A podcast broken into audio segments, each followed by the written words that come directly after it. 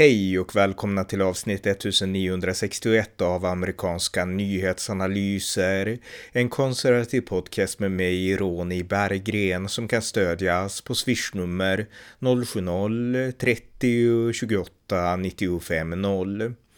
Islam har blivit en del av Sverige, men har blivit det utan någon nämnvärd föregående kritisk debatt. En som reflekterat över det är Cecilia Karlsson som den 14 september skrev artikel Mitt möte med Islam på sajten folkungen.se där hon reflekterar över varför islam för svenskar är något mycket främmande. Här samtalar vi om det. Varmt välkomna! Cecilia Karlsson, välkommen! Tack. Vi ska samtala om en väldigt intressant artikel som jag just har läst som du skrev på folkungen.se. Jag tror att det var i mitten av september eller något sånt där. Och eh, den heter Mitt möte med Islam. Eh, men först lite kort om dig, vem du är, lite om din bakgrund och så. Ja, jag heter Cecilia som sagt och bor på landet en bit utanför Uppsala.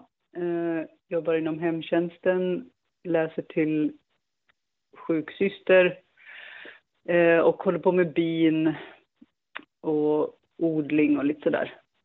Helt vanlig människa. Eh, men jag har dock eh, skrapat ihop ungefär 300 högskolepoäng också. Eh, så att jag, när jag, mitt möte med islam är lite präglat också av att jag, jag kan det akademiska narrativet ganska bra. Kan man säga. Mm. Ja, eh, det låter intressant. Och eh, den här artikeln då som du skrev, den mer specifikt den 14 september, mitt möte med islam, som då finns att läsa på folkungen.se. Eh, varför skrev du den och om du börjar berätta lite vad den handlar om, den här artikeln? Jo, men då var det så här att eh, hösten 2016, det här är ju alltså då, eh, nu får du hjälpa mig och sätta lyssnarna i, i rätt tid. Mm. Eh, två, det här är alltså året efter Reinfeldts Öppna era hjärtan. Mm. Eh, det kommer in väldigt eh, många muslimska män från framförallt Afghanistan vid den här tidpunkten. Eller hur? Mm. Ja, ja, visst. Ja. och vi har fått till oss att, att vi ska hjälpa de här människorna genom att öppna våra hjärtan. Och parallellt med det, om jag får skjuta in en sak då, parallellt med det så härjade ju Isis i Mellanöstern också. Det är också en viktig bakgrund just det här året. Ja, och inte bara i Mellanöstern. De har ju också börjat attackera europeiska städer. Mm. Eh, den här eh, julmarknaden i Berlin, eh, det var ju den här hösten också, 2016. Mm. Då träffade jag en väninna till mig som i ett enda andetag berättade att hon har konverterat till islam, gift sig med en muslimsk man och blivit gravid med honom. Um, och jag, jag vet ju att, att det är liksom både rasistiskt och islamofobt att bli rädd nu. Att jag snarare ska bli glad för hennes skull, att hon inte har träffat en vit ondskefull man, utan att det är en, en, eh, en man som eh, har fredens religion i sitt hjärta. Ja. Eh, men jag blir väldigt rädd eh, såklart och eh, börjar läsa på om men, men varför blev du rädd? Vad var det som gjorde att du blev liksom initialt rädd? Alltså dels, alltså det är en, det är som en terror, islam är kopplat, ihopkopplat med så mycket terror just nu. Och sen också vad, jag har haft kontakt med, jag har rest ganska mycket i muslimska länder också. Mm. Eh, så mina samlade erfarenheter, eh, det som låg i luften just då eh, och vad jag, lite om vad jag visste om islam sen innan, eh, gör att jag blir väldigt rädd för vad hon, vad hon ska råka ut för, vad hon hamnar i när hon ingår äktenskap med, eh, med en muslimsk man. Mm. Eh, Eh, så jag sätter igång och, och, och läsa på egen hand. Eh, och sen anmäler jag mig också till en kurs på Uppsala universitet som heter Modern eh, politisk islam. Heter det, ja. Eh, som leds av professor Fasel Hashemi. min, gamla, min gamla lärare som jag hade när jag pluggade i Umeå, ja. Mohammed Faisal Hashemi, han är, ja du kan fortsätta så kanske jag kommer in med en kommentar. ja. Um, och eftersom det, eftersom uh, är det också hösten 2016 som IS utropar kalifatet? Ja, det var, tid, det, var tidig, det var tidigare, det, det var, var 2015. Ja. Ja. Tidigt. ja. Men jag trodde att den där kursen skulle vara att det skulle vara fullt, alltså 200 pers och vi skulle få sitta i så stora föreläsningssalar för att alla skulle vilja veta och förstå vad det är som händer. Mm. Uh, men så var det inte, det var bara jag och ja, så här, någon militär som hade jobbat mycket i Mellanöstern och här, ungdomar som går de här religionsvetarprogrammen uh, och behöver fylla ut med någon till kurs, antar jag. Mm. För de verkade inte jätteintresserade. Det var en kvällskurs där, eller? Um, mm, nej, jag tror att den gick på, på dagtid. Men, men någon sån här li, mindre, mm. sju och en halv poäng eller något där. Just det. Uh, så här, den här börjar då på våren 2017. Just det. Um, och jag tycker att det är, det är väldigt intressant att lära sig om, som det är intressant att lära sig vad som helst, ungefär. Om hur det började, de olika grenarna, vart allt tar vägen, eh, hur olika islamska tänkare har resonerat och så vidare. Mm. eh, men sen tyckte jag även att det fanns ju en ton över hela, i hela kursen att man får inte tycka att någonting är dåligt med islam. Hmm. Uh, och, och, jag kände när jag satt där att ja, men det kan man ju inte kräva när man går på en universitetskurs. Då ska man inte, läraren ska liksom inte fördöma sitt eget ämne på något sätt. Fast det, var, det, det ingick ju väldigt många fördömanden i kursen om kolonialism, rasism, islamofobi, och så vidare. Så det var ju inte som en värderingsfri kurs. Utan de tog ju rätt eh, tydlig ställning. Eh, och, och när, du, när du säger dem, det var alltså Mohammed Faisal Hashemi, en av lärarna och eh, var det flera lärare också? Eller var det bara han? Ja, det var en till, men jag, har inte hittat, jag minns inte hans namn och jag har inte hittat det. Eh, han, han eh, han måste ju ha varit eh, forskare där på eh, teologen, blir det väl. Mm. Men han var också muslim, eller? Ja, precis. precis. Han satt och filosoferade. Ja, båda lärarna var muslimer alltså, på den här kursen? Ja, precis. Han, han satt och filosoferade högt sådär på, på seminarier, kommer jag ihåg, om hur livet i kalifatet skulle vara. Okej. Ja, men Ja, men här i Sverige så direkt när vi föds så får vi ett personnummer.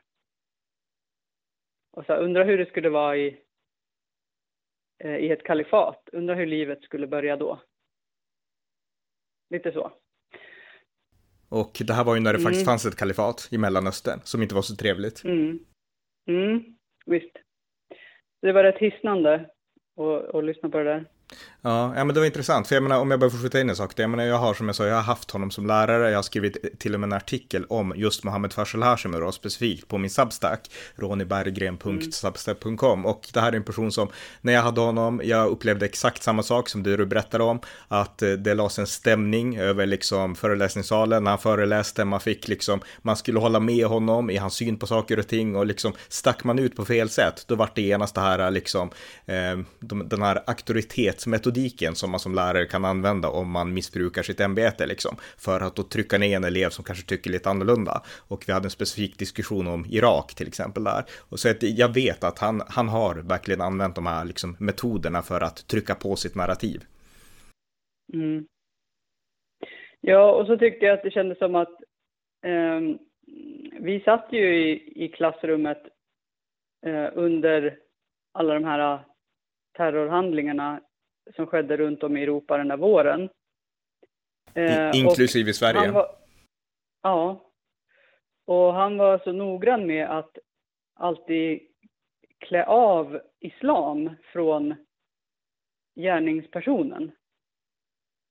Alltså att det här har ingenting med det riktiga islam att göra. Mm. Så lät det ju. Och så tycker jag att, att, eh, att det låter i, i debatten också, utanför akademin. Att eh, så fort det är en, en muslim som gör någonting så har det ingenting med, med islam att göra, utan det, då är det personen som är ond. Mm. Men om det är någon, säg högerut, någon, en sverigedemokrat som gör någonting, då är det, då är det liksom rasismen i Sverigedemokraten. Mm. Eller det ondskefulla i, i ideologin som är det utlösande. Exakt. Mm. Mm. Och det, det, var också, det var också skrämmande att, att eh, det var så diametralt olika hur man behandlade eh, personer, deras handlingar och deras tro. Mm. Och det här var alltså på en universitetskurs, det är det som ändå är så häpnadsväckande att det kan vara så, alltså en statligt finansierad universitetskurs i Sverige där offentliga lärare som är anställda av för svenska skattepengar av svenska staten eh, gör så här. Det är inte, alltså det, mm. ja.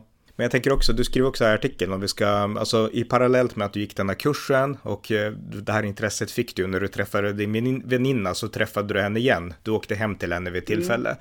och eh, då upplevde du lite mer, alltså på ett personligt plan också, lite fler saker. Kan du berätta om det också? Mm. Uh, ja, den här mannen som hon uh, hade gift sig med, han hade bott i Sverige väldigt länge. Uh, och eh, kunde, som jag upplevde det, den, den, alltså min mentalitet, den svenska mentaliteten väldigt väl. Och det gick väldigt snabbt eh, innan jag kände att, jag, att det var mitt fel, att han hade ett tråkigt jobb och att han inte trivdes i Sverige och sådär. Eh, han, kunde, han spelade på de, eh, på de delarna i, i mig. Liksom. Och eh, eh, som sagt, jag hade ju nu lärt mig några islamska tänkare och, och försökte prata lite om det så här. Och, och min väninna hon såg så nöjd ut att jag, att jag hade intresserat mig för, för deras religion. Men då blev det också uppenbart att han hade ingen aning. Han visste inte vad jag pratade om. Jag kunde mer om, om islam än, än vad han kunde. Eh, så det, det, det, blev inget, inget samtal av det alltså kring själva, eh, kring själva religionen. Nej. Uh, utan det slutade ungefär med att, att min väninna där tyckte att jag skulle konvertera till islam. Det skulle göra mig till en bättre människa. Uh, det är som att, hitta hem. När islam väl hittar en så, uh, så känns det som att man har hittat sitt hjärta och, mm. och sådär. Eh, det var ju det var både väldigt provocerande och, och väldigt skrämmande hur, hur det kunde gå så fort. Eh, hur hennes förändring Ja men, ja men det är intressant, för det, lät, det där, lät ju, väl, det där lät, lät ju väldigt sektigt. Alltså du har kommit in i ett sammanhang, du har lärt dig den så kallade sanningen och så ska du liksom pusha ut mm. den hur som helst utan någon som helst känslighet. Jag menar, såg du liksom en, det fanns alltså, för jag föreställer mig att den här rädslan du pratade om tidigare, eh, att den också kommer lite ifrån den drastiska förändring du såg i din väninna. Liksom, mm. Det var en drastisk förändring du verkligen såg. Ja, verkligen. Eh, och jag förstod ju samtidigt vad som hade hänt, att hon hade blivit indragen i ett sammanhang där hon eh, trivdes väldigt bra initialt. Eh, och det gjorde mig ju ännu mer skrämd att, att hon inte kunde se klart på vad, vad det var hon hade dragits in i. Mm.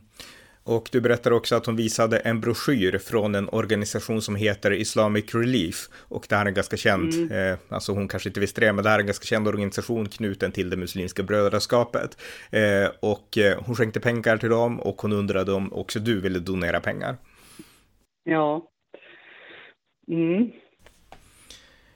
Men, men när, du, när du då träffar en och sådär, jag menar, du skriver i den här texten att du själv har ju också en slags, eh, ett förhållande till buddhism, du har praktiserat buddhism eh, liksom eh, tidigare och när du träffade henne och liksom hennes religion och hennes liksom tolkning då av sin religion då, då liksom upplevde du en diskrepans med utifrån dina egna erfarenheter av liksom religiösa reflektioner. Kan du berätta lite om det? För det tycker jag är väldigt intressant här i, i texten. Mm. Jo, men det stämmer. Jag var praktiserande eh, buddhism, buddhist under eh, ganska många år. Eh, min lärare heter, hette Thich Nhat Hanh.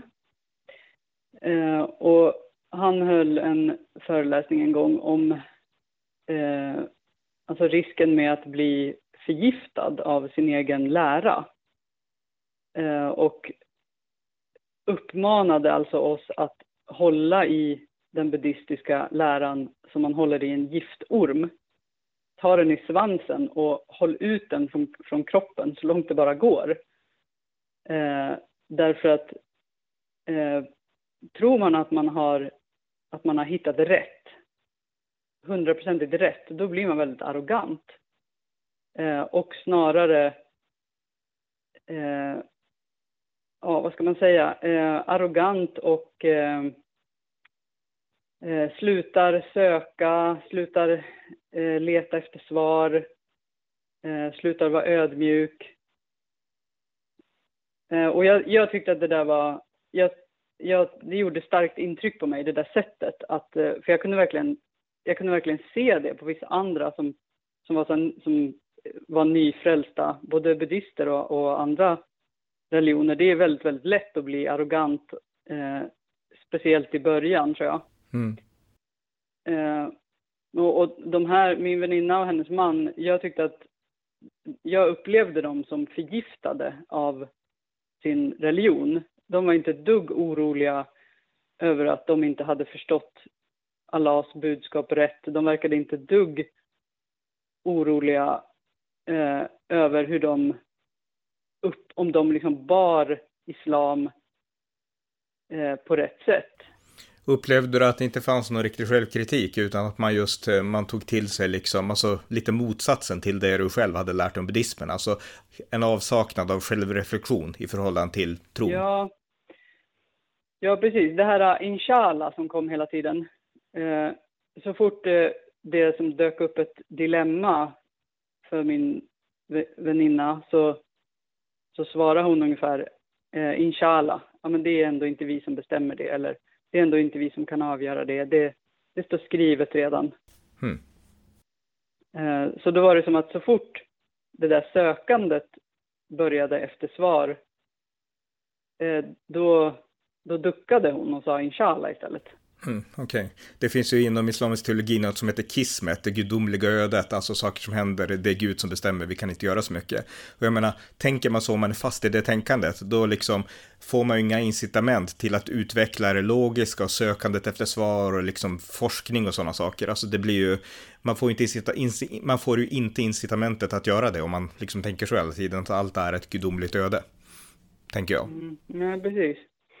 Uh, och sen uh, ihop med det här som jag har förstått att uh, muslimer uppmanas inte att ens läsa deras urkund själv, utan det är imamerna som ska stå för, för tolkningen av Koranen. Har du också förstått det så? Eh, ja, det vet att, jag inte. Det kanske är så. Det är mer ja. eller mindre starkt i de olika grenarna, men att, att ja, det, det, så stod det i alla fall på den här en av översättningarna som jag har läst på, på nätet. Mm. Så står det här, efter sista så står det Försök inte läsa Koranen själv. Ta hjälp av en lärare. Intressant. Försök inte ens själv. Mm. Motsatsen till väckelsekristendom där man ska läsa själv ungefär. Men, ja, ja. Det är som att, att försök inte ens att tänka. Mm. Jag tänkte också på att du har ju också, jag menar du sa att du hade rest mycket i muslimska länder. Hur mycket, vad såg du där och hur mycket påverkade det din inställning till hela liksom det här med islam? Um, jo, men det var speciellt uh, en sak som, som berörde mig från en, när jag var i Bangladesh. Jag och min dåvarande spelade in en, en dokumentärfilm om, om barn i svåra situationer och fick nys om en fotograf som, eh, som dokumenterade barn som hade råkat väldigt, väldigt illa ut. Eh, och han eh, var ju tvungen att, och han hade hemlig adress och man fick komma och titta på hans bilder privat och, och hemligt då liksom. Eh, för att eh, han hade ju en väldigt stor hotbild över sig. Så. Han, hade, han hade fotograferat en, en flicka som var nio år gammal. Eh, hon var väldigt sjuk och hennes mamma hade då gått till den lokala imamen för att få råd. Eh, och han hade rått eh, mamman där att gifta bort flickan med en eh, äldre man. Han hade gjort det. Han var eh, över 50 och eh, så två gånger i veckan så kom han hem till den här mamman och flickan. Och då gjorde hon i ordning så att de skulle få vara i fred i sovrummet. Mm. Två gånger i veckan. Eh, och det här är alltså imamens råd då till den här modern. Mm. Det här är kanske en av de saker som har berört mig starkast i hela mitt liv av hur, hur ondskefullt eh, någon, någonting kan vara. Mm. Och jag menar, det här är ju någonting vi kan se i, jag menar dels eh, profet Muhammed gifte sig med en nioåring, eh, det är välkänt, mm. och i den islamiska världen så är liksom barnäktenskap ja, påbjudna och om inte annat så är de inte eller väldigt sällan förbjudna. Så att jag menar, det här är mm. någonting, islam som ändå reglerar det mesta i detalj, allt är haram eller halal, man verkar inte ha något problem. Alltså generellt så är det mm. liksom, man verkar inte, åtminstone så stämplar man inte det här som haram, det gör man verkligen inte. Så att eh, mm det här problemet finns utan tvekan och det är ju extremt allvarligt och det är helt osvenskt och det bryter mot alla former av kristna och västerländska värderingar. Och eh, det är också någonting vi måste börja prata om, för jag menar vi har även de här njutningsäktenskapen som det har diskuterats här i Sverige. Vi har eh, unga flickor som blir bortgiftna i Sverige. Alltså det här är problem som inte bara är där utanför längre, utan det finns här också. Mm. Ja, och, och, och det som, som skrämmer mig återigen, återigen är att det här är ju någonting som de flesta människor, de flesta svenskar vet ju om det här så här lite grann, på, i alla fall på ytan av sitt medvetande. Alltså för mig så, så blev det ju som en, som en spark i solarplexus för att jag såg den, jag såg den här flickan med egna ögon på fotografiet. Eh, men, men ändå så kan man inte ändå så fördömer man inte det här som någonting, som någonting ont. Och det är så skrämmande. Att man ändå eh, som försvarar, det är så, så Stockholms syndrom, att man ska försvara islam ändå, trots att det är så uppenbart att, att uh, det finns ingenting som är rätt med det där. Nej, men, men en sån här som din lärare och min lärare Mohammed Farslashar, han skulle skala av där också, så att det där har ingenting med islam ja. att göra, utan det där är, det är personerna, det är inte islam. Mm, exakt. Och eh, jag menar, det är vilseledande att göra så, för självklart har det med islam att göra, mm. för att islam som sagt reglerar allting i detalj och eh, hade islam väl velat liksom förbjuda det där så hade det gjorts. Så jag menar, det har med islam att göra och det skulle behöva de som tydligt säger att, jag menar, han själv kan säga att det här har, han, han kan själv skriva liksom att det här är fel och det här strider mot Muhammeds läror och islams läror, till exempel, skulle man kunna göra. Mm. Och liksom anföra teologiska argument till det och verkligen pumpa ut det i den islamiska världen. Jag menar, om man är muslim i Sverige idag och ser allt som händer i den muslimska världen med övergrepp mot barn i islams namn, då skulle man bli självkritisk och börja säga att det här är inte islam och verkligen pumpa ut det. Jag menar, eh, så är vi liksom, kristna gör så ofta, alltså om det händer saker i kristendomens namn, jag menar svenska kyrkan, liksom svensk kristenhet, då fördömer man väldigt snabbt att det där har ingenting med kristendomen att göra och liksom de där kristna gör fel och man fördömer dem specifikt om de gör något i kristendomens namn som inte är kristet. Man försöker inte bara liksom skära av utan man fördömer också de som har gjort det de gör. Och det fördömandet tycker jag liksom, det lyser med sin frånvaro när det kommer till sådana saker mm. som det du beskriver. Verkligen. Mm. Mm, och också så skulle man ju vilja höra så här, eh, jag, tänk om, om mina lärare istället hade sagt, undra vad det är med islam som gör att det blir så där. Alltså kunna förhålla, jag hade ju velat höra dem förhålla sig till att islam har någonting med det där att göra och att de skulle börja söka efter svar på hur och varför. Mm. Men det gjorde de inte? Nej. ja, så, nej, i, i, jag tror att det här... Um, uh, jag har ju som sagt uh, väldigt många anledningar att, att vara intresserad av uh, islam. men det jag tänker nu så här är att om jag inte det kan ju ha varit så. Om jag inte hade varit i Bangladesh och sett det här med mina egna ögon och, och allt annat som hände där, alltså de här, kastade sten på mig när jag gick med byxor och hmm. solen hmm. hade gått ner och så här. Va? Berätta, berätta här, uh, detaljerna, berätta. Ja. um, jag, jag, vet som sagt inte varför, men jag kände så här småstenar på, på mina ben när jag var ute och gick. Jag gick inte ensam, jag hade en man med, med mig, men ändå. Om det var byxorna eller om det bara var att solen hade gått ner. Hmm. Eh, så kastade de alltså sten på mig. Vilka gjorde det? Mm, eh, alla där är ju muslimer. Mm. Men var det barn eller var det liksom vuxna? Nej, eller? nej. Eh, det var inga barn i närheten och inga kvinnor heller. Det är bara män. Det är bara män. Hela Bangladesh, det är bara män. Man, mm. man ser ingenting annat. Uh, så nej, va, alltså vanliga vuxna män. Mm. Ja, intressant. Uh, om, de här, om det här inte hade hänt och om, det, om min väninna, om det här inte hade hänt med min väninna, då är det möjligt att då kanske jag också hade bara varit sådär att ja, ah, men islam är någonting dåligt, ja, ah, kanske det. Men det ska vi inte prata om, det är bara jobbigt. Men som sagt, jag blev ju väldigt drabbad av det här, eh, vad jag såg på mina resor och så. Mm. Men anser du att det skulle behövas ett större uppvaknande för det här i Sverige? För jag menar återigen, det här är inte längre någonting där borta, utan det finns i Sverige också. Skulle svenskar behöva liksom bli mer medvetna om det? Ja, men jag vet inte hur det ska gå till. Um, Eftersom det är så tabubelagt fortfarande att prata om det. Man blir fortfarande så stämplad mm. av att prata om, om islam. Och så det i kombination med att då blir man ju som rädd för att, så att man är lite rädd för att veta vad det, ta reda på saker. Mm. Skulle man läsa, skulle man läsa Koranen skulle man ju, tror jag, kanske med lite kritiska ögon skulle man ju kanske dra lite samma slutsatser som jag har gjort. Att så, oj, vilken, vilken konsttext det här är. Mm. Oj, vad konstigt det skulle vara att, att försöka förhålla sig till den här i sin religionsutövning. Hur går det till? Vad tänker man då? Mm. Jag skulle säga att den här rädslan, jag menar den är, vi har inget egentligen konkret, visst terrordåd och så, men risken för det är väldigt litet. Eh, och sådär, och Sverige är ändå Sverige.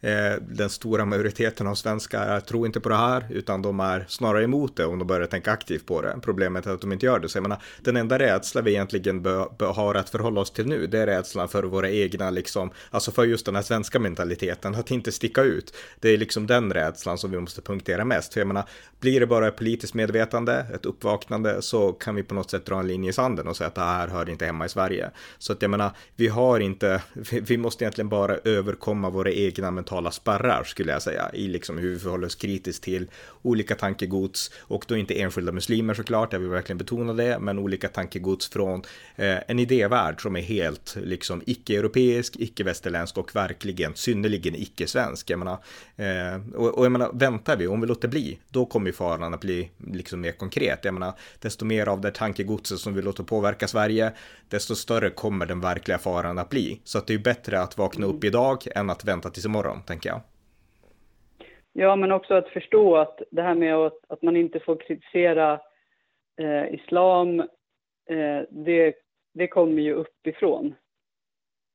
Alltså den, den re, det att man blir stigmatiserad och stämplad, mm. det är någonting som kommer uppifrån och har runnit ner i, i ett normalt, eh, eller kanske mer normalt samhälle så, så skulle jag och mina grannar och vänner och bekanta diskutera såklart friskt eh, vad islam är för någonting. Så fort det börjar komma personer som är muslimer till, eh, till vårt land så hade man börjat diskutera vad det innebär eh, och vad islam är för någonting. Och nu blev det istället så att ni får inte prata om det här, eh, för då är ni rasister och islamofober. Och så har vi liksom vant oss vid att förhålla oss till det. Istället för att förstå att ja, men det är ju det är deras påhitt att vi inte får prata om det här. Mm. Eh, men parallellt med det här då, du träffade en väninna, du läste den här kursen och eh, ja, du har berättat om kursen nu, men parallellt med det så var det också så att det hände ju saker hela tiden under de här åren. Dels så var det rapporterna från Islamiska staten i Mellanöstern, i Syrien och Irak och dels så hände det saker i Europa och det kom närmare, alltså det kröp närmare och närmare hela tiden. Och du skriver den här artikeln också om hur olika terrordåd, du berättade tidigare om julmarknaden i Tyskland, det var alltså den 19 december eh, 2016 när eh, 12 dog och 48 skadades och du skriver att då hade du just eh, blivit gravid och alltså du började tänka verkligen att det här kommer nära och så, så hände det fler saker. Terrorrådet i London 2017 och såklart då i Sverige i Stockholm 7 eh, april 2017. Mm. Eh, vad fick de här terrorråden, eh, alltså dig att känna och tänka om allt det här som du nu läste om islam och din väninna och så? Ja, där eh, eh terrorrådet 7 april i Stockholm, det som berörde mig eh, allra mest med det, det var ju den här äh, Ebba Åkerlunds äh, far som jag började följa på Facebook då. Ähm, och hon, jag, hon var alltså flickan, den, den här unga flickan som dog i terrorrådet? Ja, precis. Och vad var hon, åtta eller nio år gammal? Mm. Och jag, jag som då hade en, en, en, flicka, det är klart att det berörde mig eftersom jag då väntade en, en flicka själv. Eh, men också hennes, ehm, alltså överhuvudtaget en, en förälder som, som förlorar sitt barn. Eh, det, det, går ju inte att, att inte bli väldigt, väldigt drabbad. Eh, men sen kombinationen med vad han fick utstå eh, i hur det hanterades efteråt. Mm. De här manifestationerna på Sergels torg till exempel, de gick ju ut på, jag, jag hoppas att jag inte gör en ful tolkning här, jag tyckte att de gick ut på att nu måste vi älska varandra ännu mer. Nu måste vi se till att inte tycka illa om muslimer. Mm. Nu måste vi älska muslimer och i, om, om man gör den, den tolkningen av vad, vad de här manifestationerna gick ut på, då är det ju som att det var vårt fel att Ebba hade blivit överkörd där.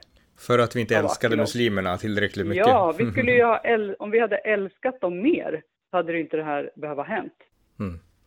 Och då vill jag skjuta in en sak här, jag menar just det, den idén, det är någonting som lärare som Mohammed Faisal Hashemi, men även andra har verkligen hamrat in eller tryckt ut rättare sagt mm. i svenska institutioner, bland svenska politiker. Jag menar, han, Mohammed Faisal Hashemi, din lärare, min lärare, han talade inför Socialdemokraterna här i Örnsköldsvik där jag bor 2011. Jag tror att Stefan Löfven var där, det här var innan han hade blivit eh, statsminister och eh, han eh, Farslashemi då, han betonade då, för det här var ju efter terrordådet, bara några månader efter terrordådet i Stockholm 2010.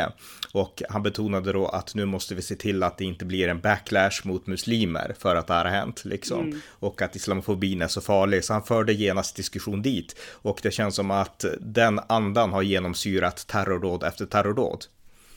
Mm. Ja, verkligen.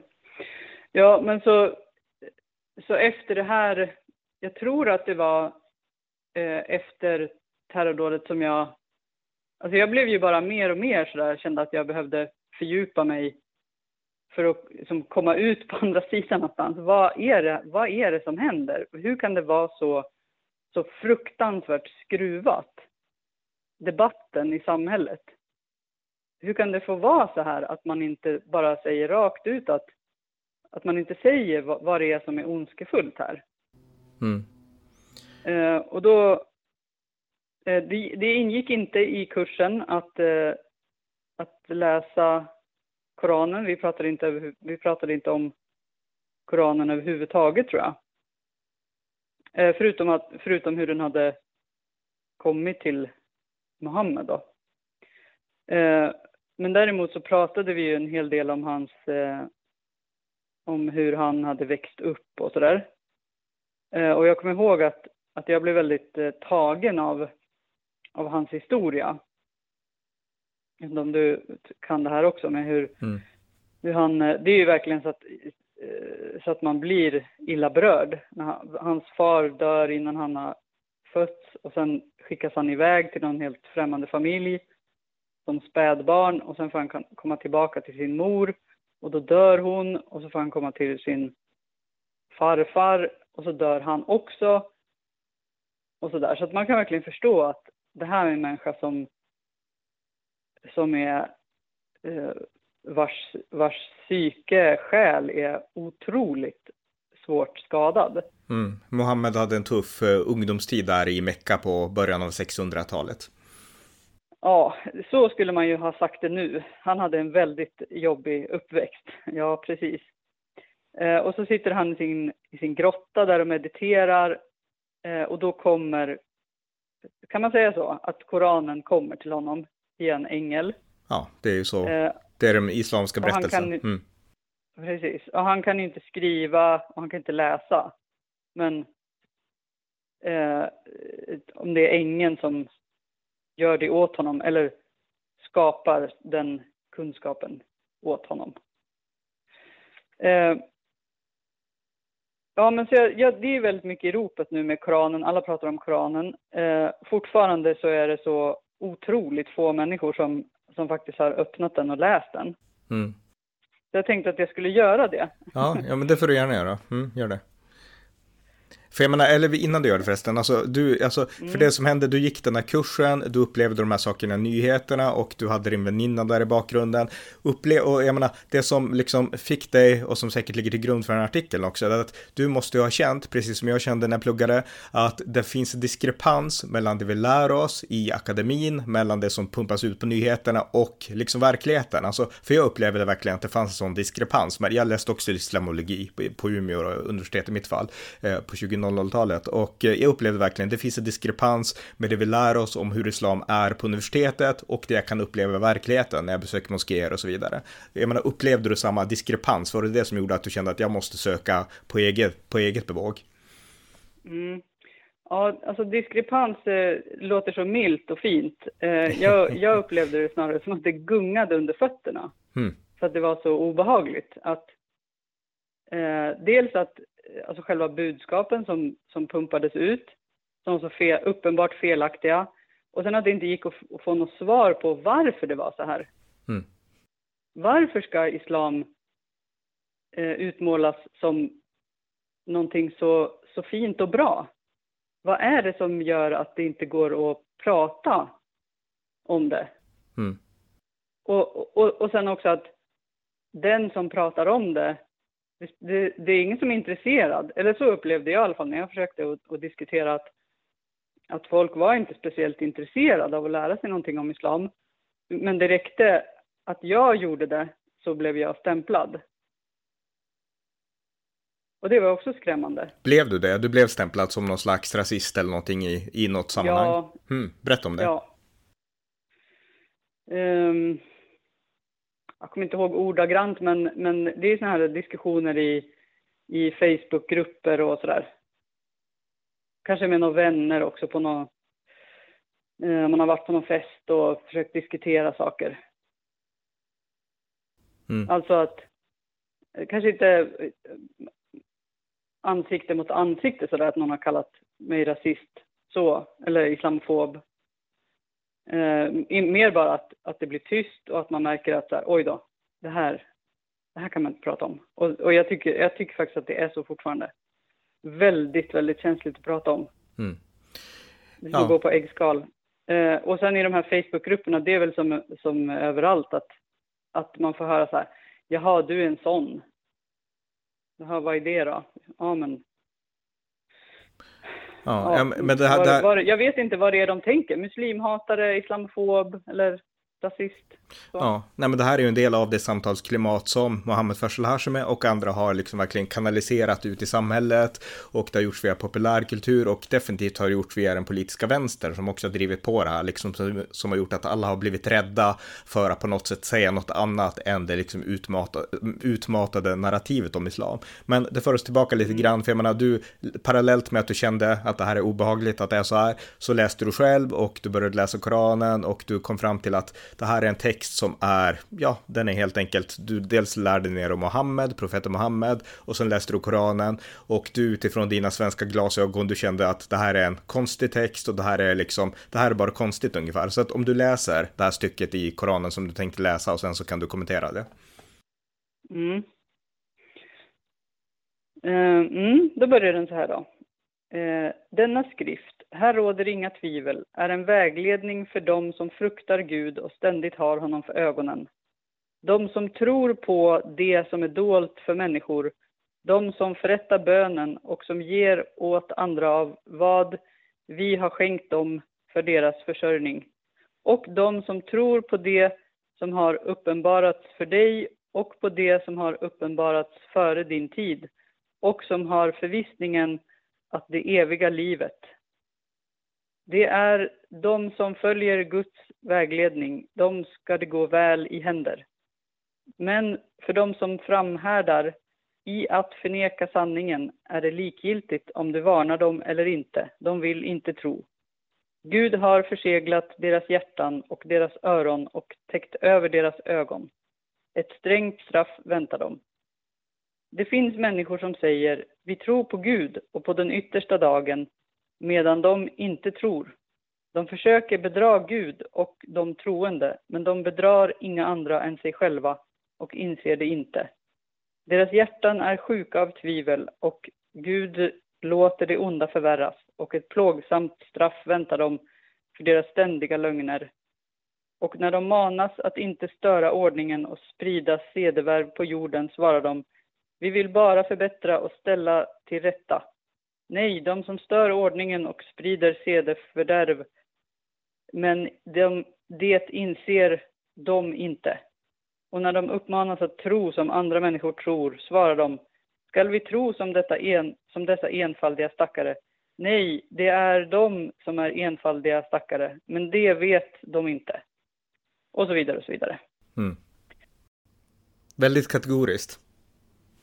Ja. Eh, och väldigt, eh, väldigt osammanhängande och väldigt konstig, väldigt konstiga meningar. Mm. Eh, och då kanske den här ändå är, kanske kan alla dina muslimska lyssnare kanske kan höra, höra av sig till oss och, och förklara eh, lite mer om hur, för det är så himla svårt att översätta den här tydligen. Mm eh, säger de, från arabiskan. Eh, så det, det är en massa hakparenteser så här där författaren har fått gå in och, och berätta för läsaren hur man ska förstå det. Och då är ju, det här är ju ändå, nu läste jag ur den, den rena Koranen.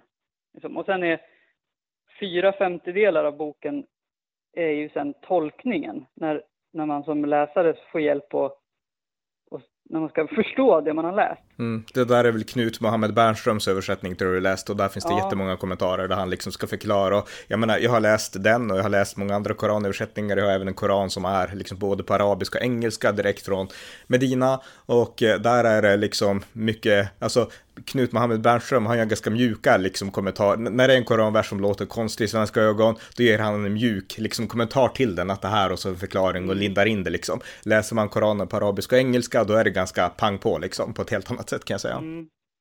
Precis.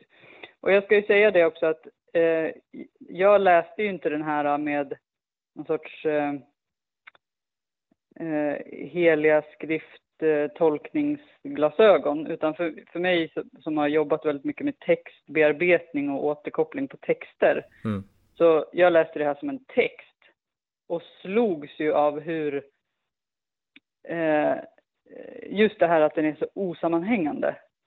Att det inte är en, det, det är inte någonting som hänger ihop det här. Hade jag, hade jag fått den här texten om jag hade gått, jag har gått väldigt många skrivkurser, hade jag fått den här i händerna eh, så hade jag ringt läraren och sagt så här har vi en människa som mår mycket, mycket dåligt. Så här mm. skriver man inte mm. om, man, om, om, det, om huvudet sitter ihop ordentligt. Liksom. Mm. Ja, det där kanske var dåligt uttryckt, men ja, min, min, eh, min tanke som kom upp i alla fall, det var att det här är en det här är resultatet av en psykos. Jag tror att Muhammed fick en psykos. Eh, och det här är vad han skrev. Mm. Och, det här är, och det här är också varför jag tror då att, att det är lättare kanske för muslimer att begå ondskefulla handlingar. För att eh, de följer en, en, en, psykot, en, en text som är ett resultat av en psykos. Och så läser de inte själva heller utan det är som imam, imamerna som förmedlar budskapet. Mm de vet inte ens vad det är de följer. Nej, det är en intressant reflektion. Alltså jag skulle säga att eh, jag lämnar upp till folk att tro vad de vill om det. Men, men däremot så skulle jag säga så här att det är intressant perspektiv ändå, just det här kritiska perspektivet. Därför att det klassiska europeiska, västerländska perspektivet på islam eh, för Europa, grunden för Europa är kristendomen, eh, det är att islam är en villolära. Alltså att islam är en lära som är felaktig, som är destruktiv det är lite av liksom grunden för den klassiska västerländska synen på islam. Vi har ju till exempel Dante som beskriver Mohammed i liksom helvetets cirklar och sådana saker och han beskriver Ali och sådana saker. Alltså det finns i liksom västerländsk litteratur, alla de här beskrivningarna av islam som är villolära. Och här skriver du liksom att eh, oavsett om man pratar om psykos eller hur man nu vill definiera det, alltså vi i väst och Sverige, vi tror inte på uppenbarelser på det sättet. Eh, I synnerhet inte om man är en vanlig sekulär svensk. Så att jag menar, vi måste hitta en annan förklaring på Mohammed än den här interna muslimska förklaringen att det var en uppenbarelse. Men vad man än säger så är det väldigt, vad man än tycker så är det väldigt osvenskt. Alltså det vi kan läsa om Mohammed och det vi kan liksom läsa ur Koranen, det är väldigt svårt att få det förenligt med svensk mentalitet och liksom svenskt sätt att vara och svenskt sätt att tänka. Håller du med om det? Mm, verkligen. Och just det är någonting som man kanske inte reflekterar över i samhällsdebatten. Mm det är fascinerande, det här kan ju du mer om än jag, men det här med alltså Svenska kyrkans eh, islamkramande eh, utifrån det du just sa, att, att man som traditionellt sett har sett det som en villolära och nu helt plötsligt så är det eh, islamkramning rakt av hela Svenska kyrkan. Mm. Hur har det blivit så? Håller du med? Eh, ja, jag håller med om att det har blivit så och mm. eh, orsaken till att det har blivit så det beror precis på det vi har pratat om i, i den här podden, alltså på Vänsterakademin. Det finns olika muslimska lärare men även vanliga eh, postkoloniala eh, svenska lärare som har eh, pumpat ut de här teorierna om att man ska nedmontera det västerländska och romantisera, läsa Edward Said och romantisera det österländska och, det orientaliska framför allt. Så att kombinationen av det och Eh, Eh, ja, och även den svenska rädslan för att inte liksom väcka anstöt eller stöta sig med någon och så. Eh, liksom det i kombination har väl lett fram till dit vi är nu skulle jag, skulle jag säga. Mm. Ja, jag såg ju det här när jag eh, höll på att leta där efter hur islam presenteras i, i media och så där så hittade jag på Utbildningsradions hemsida eh, deras satsning som riktar sig mot barn.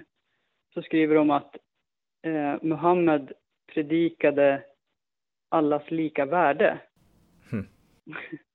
um, och, och, det kan ju inte ens den person som har skrivit tro på. Och, och ändå så går man ut med det Mm.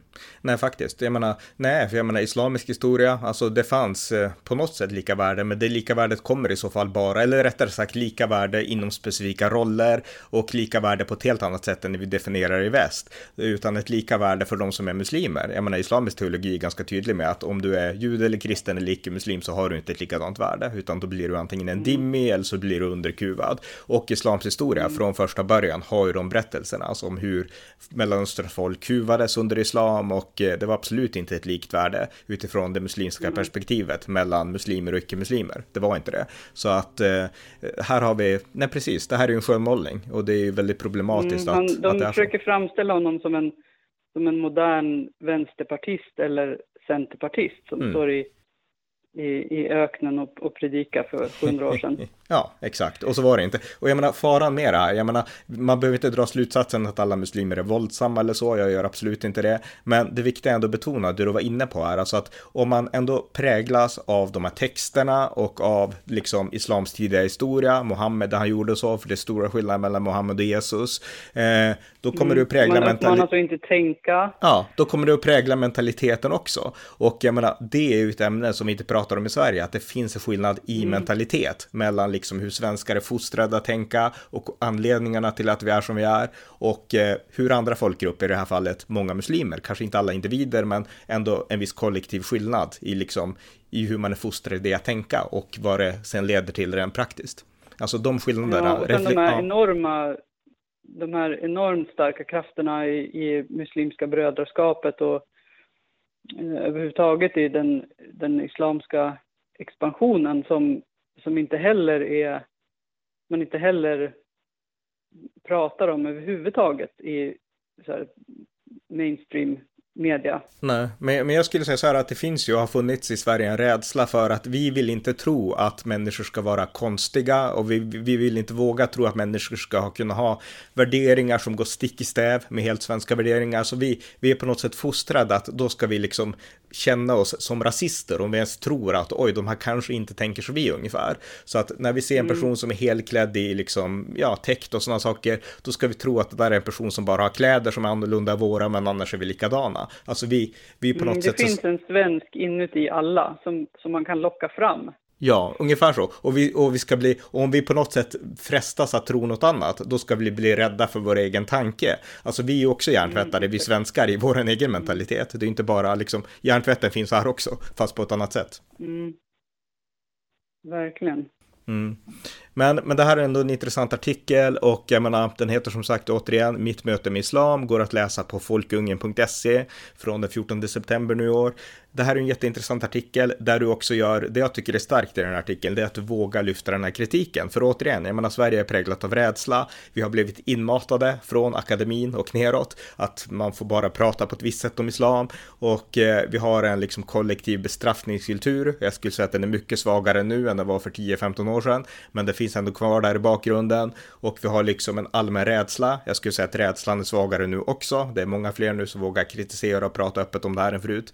Men, men liksom det finns ändå där i bakgrunden. Men du är ändå en som på något sätt vågar säga att det här är ju liksom, jag blev rädd liksom, för det här är inte svenskt och när jag granskar det hela så upplever jag i min läsning och i mina reflektioner med psykologi som bakgrund att det här är liksom helt främmande för det svenska sättet att tänka. Du vågar liksom skriva det rakt ut och du vågar skriva att eh, eh, ja men alltså bara ta upp det här, alltså du vågar lyfta den här kritiken som alla på något sätt lägger under mattan i rädsla för, ja någonting. Och det är det jag tycker är liksom den stora styrkan med den här texten, att du vågar resa dig upp som en vanlig svensk och säga att det här är någonting som vi, vi kan inte bara låta det här liksom, ja, på något sätt komma in i Sverige utan, utan reflektioner. Lite så. Mm. Mm. Ja. Ja, eh, nej men eh, jag har väl inga direkta fler frågor utan jag tycker att det här är en väldigt läsvärd artikel. Är det något mer du vill säga om liksom egna reflektioner och sånt här? Mm. Nej, inte som jag kommer på nu. Nej. Nej, men då vill jag säga tack för det här samtalet. Det var otroligt intressant, så tack så mycket. Mm, tack själv. Tack för att ni har lyssnat på amerikanska nyhetsanalyser, en konservativ podcast som kan stödjas på swishnummer 070-30 28 95 0 eller via hemsidan på Paypal, Patreon eller bankkonto. Skänk också gärna en donation till valfri Ukraina-insamling. Vi hörs snart igen. Allt gott tills dess.